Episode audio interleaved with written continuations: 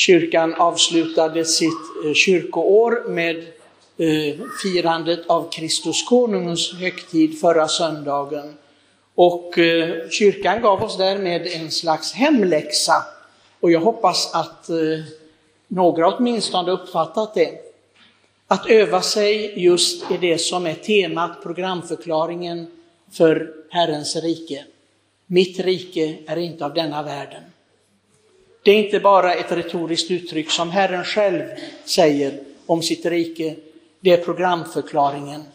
Och alla de som vill tillhöra Guds rike måste hålla med om detta, måste ha det i sig. Mitt rike är inte av denna världen. Jag ska inte göra någon namnuppräkning här, eller att ni räcker upp händerna, ni som har gjort det eller inte. Men ni vet det själva, om ni övar er i detta eller inte. Idag så får vi klart för oss att det handlar om att Herren kommer till oss och han vill ha plats i våra liv. Evangeliet som egentligen bara läses här i Norden, jag tror nästan kanske bara i Sverige, det är en eftergift från Rom från medeltiden där man gärna ville läsa just intåget i Jerusalem. Man tyckte att det passade in Eh, för förklaringen av den tiden som vi lever nu. Ni vet att eh, adventstiden kom in i kyrkan på slutet av 300-talet. Det började i Gallien och i, i, i Spanien. Och eh, då var det sex veckor och det skulle motsvara så att säga fasteveckorna innan påsk. Men så blev det en mer så att säga koncentrerad i fyra veckor genom den romerska liturgin att vara ett specifikt förberedande inför Kristi firande av eh, just födelsen, men också hans återkomst i härlighet. Det är två alltså dimensioner av det här firandet. Och vi såg i det här evangeliet människor som är mycket glada, förväntansfulla, och det var de. De väntade på Messias, de väntade på befrielsen. Och det judiska folket hela tiden under sin historia talar om den här befrielsen från en det ena, en det andra. Och nu kommer han och det är stor glädje och lärjungarna hjälper dem att ropa välsignad vare han som kommer i Herrens namn. Men vi vet att samma vecka, och det har ju inte med julen att göra, det har med den stilla veckan att göra, bara några dagar senare så skulle samma människor ropa bort med honom, korsfäst honom. Vi vill inte se honom, vi vill inte ha med honom att göra. Och det är samma människor. Och de var inte nöjda med vad de såg och vad de fick. Han levererade alltså inte det som de ville ha, de önskade sig. Men Herren har ju aldrig lurat någon. I evangelierna, han lovar, utlovar inte guld och gröna skogar här på jorden. Det gör han inte. Han lovar oss att vi ska få följa honom. Det lovar han. Men han ber oss att förstå att det är hans liv vi ska följa. Hans liv som är skugga av korset. Han säger den som vill följa mig, den måste ta sitt kors och följa mig. Inte någonting annat. Han utlovar ingenting annat. Men han utlovar den eviga glädjen för dem som älskar Gud och lyder Gud och gör det Gud vill. Det lovar han, men inte i detta livet. Jag tänker ofta på den heliga Bernadette Soubirous. Det tänker jag ofta för att många av er i församlingen här brukar stanna när ni kommer hit utanför där för att titta på Lourdesmadonnan som vi har under klockstaken. Det är flera av er som brukar gå dit och hälsa på Maria och be en bön. Och ni vet vad Bernadette fick höra som fick uppenbarelsen i Lourdes. Jag lovade ingen glädje här på jorden, säger hon till henne. Hon lovar att hon ska få leva i botgöring, ja, för det är det som Herren vill, men någon glädje och lycka här lovar, utlovar hon inte. Och det är precis som det evangeliet, det är inget nytt genom en uppenbarelse. Herren lovar oss så att säga glädjen i evighet om vi är trofasta det som Herren vill. Och Paulus, han talar ju om detta att det måste vara ett liv präglat av kärlek. Det kan inte vara någonting annat. En kärlek som börjar med att vi så att säga accepterar oss själva. Jag tror att det är fundamentet för allt, för att man ska kunna leva som troende, man måste först och främst acceptera sig själv. Om man är missnöjd med sig själv på något sätt, man tycker inte att man har det som man skulle vilja ha, eller att man inte är den man skulle vilja vara och så, ja, då, då blir det inte lätt. Då vet jag inte hur man ska kunna leva som en kristen egentligen. För det är där allting börjar, att jag tror att Herren har gett mig alla de förutsättningar och allt det som jag behöver för att leva honom till behag, som Paulus skriver här. Att leva till Guds behag, inte till Guds godtycklighet. Godtycklighet är någonting helt annat.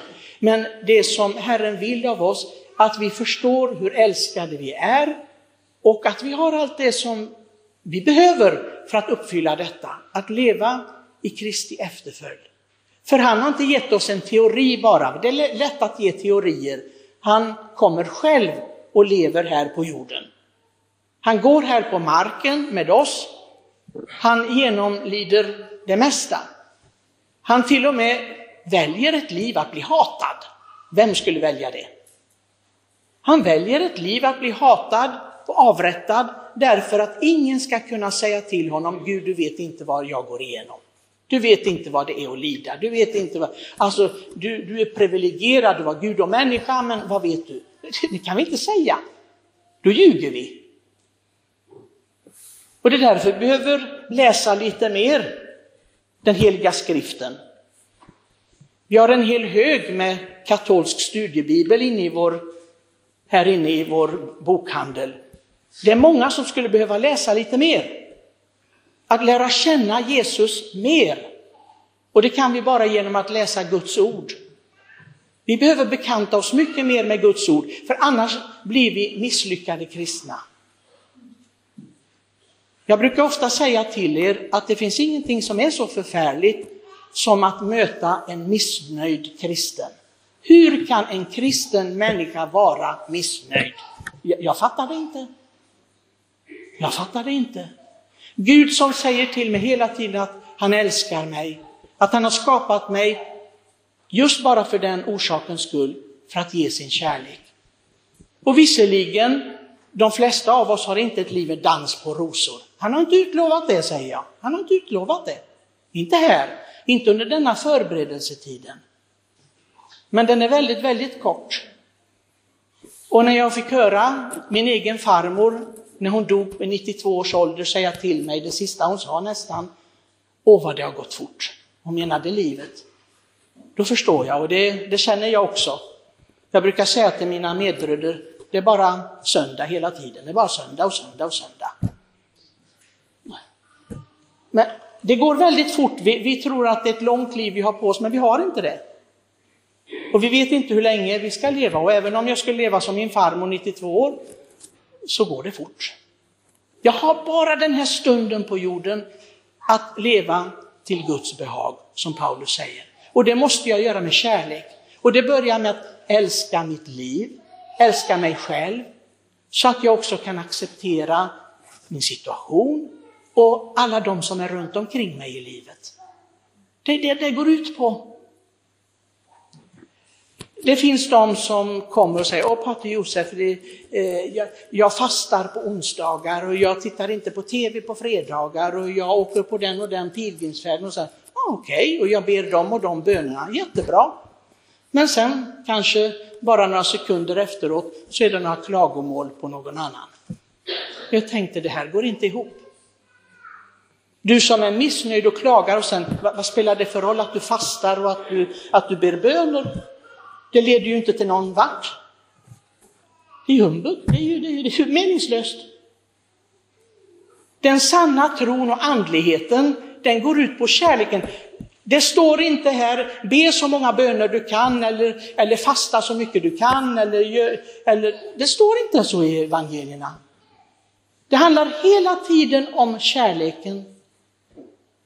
Och jag vet, det är ett missbrukat ord. Vi använder att vi älskar saker och ting om, om precis vad som helst. Som den här eh, eh killen som jag hörde en gång här i Klarasalen sa, jag älskar köttbullar. Nej, sa jag, du älskar inte köttbullar. Det gör man inte, man tycker om. Man tycker om köttbullar. Men älska ska vi bara använda till Gud och medmänniskor, inte till någonting annat, inte till prylar eller mat eller vad det nu kan vara. Hur mycket vi än uppskattar det. Det har blivit missbruk av det här med älska, så det betyder ingenting till slut.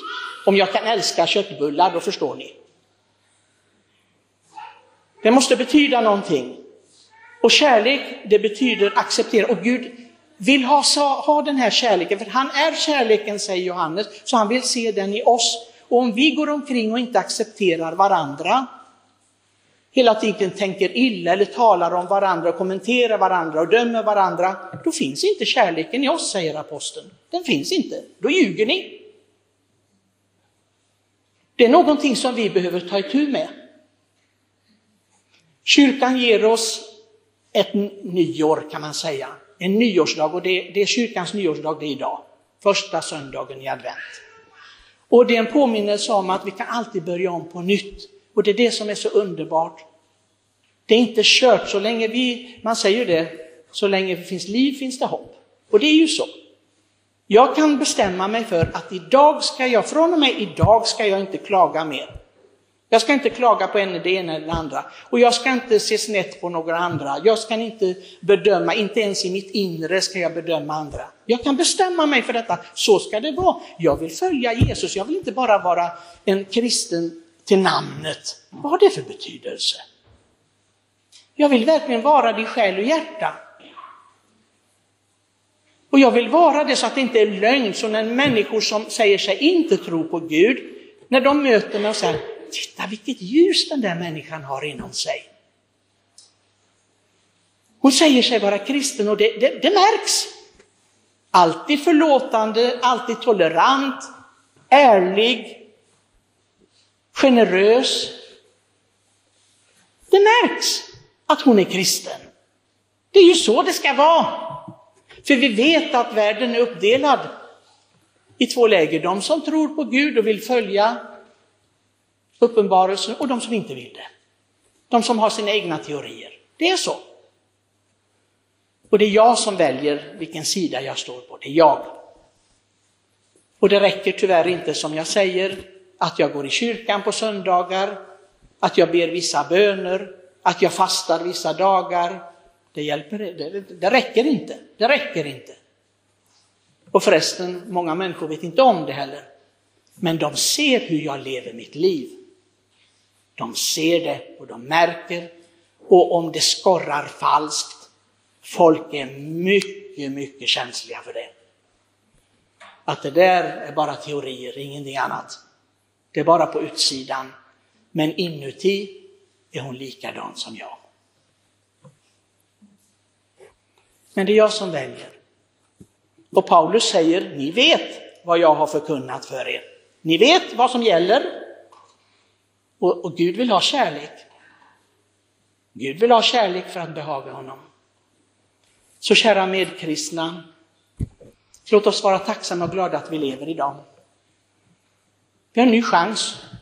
Och om vi inte har levt så här som evangeliet säger att vi ska leva, så låt oss börja då. Låt oss verkligen börja med att säga det som liturgin säger varje gång vi firar mässa. Välsignad vare han som kommer i Herrens namn. Det sjunger vi ju i helig, helig. Välsignad vare han som kommer i Herrens namn. Det ska inte bara vara ord, utan det ska vara att ta emot honom i mitt liv och låta honom förvandla det. Och då blir det Gud till behag. I Faderns och Sonens